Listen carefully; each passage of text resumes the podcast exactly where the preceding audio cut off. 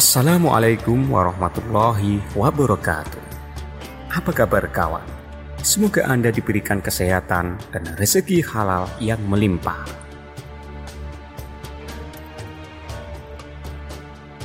Kawan, kita yakin bahwa Allah sudah mengatur rezeki kita. Dan kewajiban kita adalah bekerja dan ikhtiar untuk mendapatkannya. Sedangkan hasil adalah hak Allah yang menentukan. Karena bekerja adalah ibadah, maka niatkan kerja dan bisnis Anda untuk mencari keberkahan dan ridho Allah semata. Kawan, ada dosa yang gugur karena pahala kita sholat. Ada dosa yang gugur karena pahala kita sedekah. Dan ada juga dosa yang gugur karena pahala kita haji dan umroh. Tapi kawan, ada dosa yang hanya bisa gugur karena kesusah payahan kita dan keletihan kita dalam mencari nafkah. Kawan, Rasulullah Shallallahu Alaihi Wasallam bersabda, tidaklah seorang Muslim tertimpa suatu keletihan dan penyakit yang terus menimpa, kekhawatiran dan kesedihan, dan tidak juga gangguan dan kesusahan, bahkan dari duri yang melukainya, melainkan Allah akan menghapus kesalahannya. Hadis riwayat Bukhari. Kawan, kita dapat memahami betapa Islam sangat menghargai seseorang yang mau bekerja, mau bersusah payah mencari nafkah untuk memenuhi kebutuhan keluarganya. Sehingga pekerjaan apa pun, selama tidak melanggar syariat Islam, yang dikerjakan dengan sungguh-sungguh dan penuh keikhlasan dinilai sebagai ibadah di sisi Allah Subhanahu wa taala.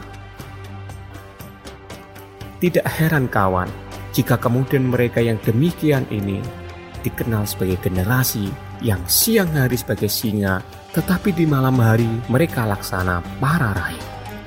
Rubanun fil wa fursanun fin Kalau malam mereka seperti rahib, mereka hanya sedikit tidur.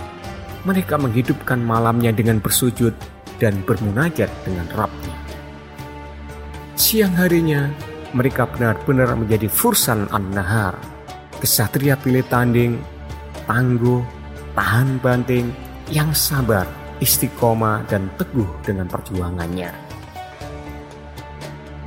Mereka adalah generasi yang mampu memadukan kesungguhan dalam bekerja dan kesungguhan dalam beribadah kepada Allah Subhanahu wa taala. Kawan, tidak ada alasan bagi seorang muslim untuk berleha-leha, bermalas-malasan atau bahkan tidak mau bekerja. Selama hayat masih digandung badan, maka pekerjaan itu akan melekat pada seseorang. Tidak ada kata berhenti untuk bekerja, yang ada mungkin jenis dan intensitasnya yang berbeda. Allah Subhanahu wa taala mengingatkan kita dalam hal ini. Maka apabila kamu telah selesai dari suatu urusan, kerjakanlah dengan sungguh-sungguh urusan yang lain. Al-Qur'an Al-Insyirah ayat 7. Walau alam bisawab, saya Alim Mahdi, Master SOP Indonesia. Wassalamualaikum warahmatullahi wabarakatuh.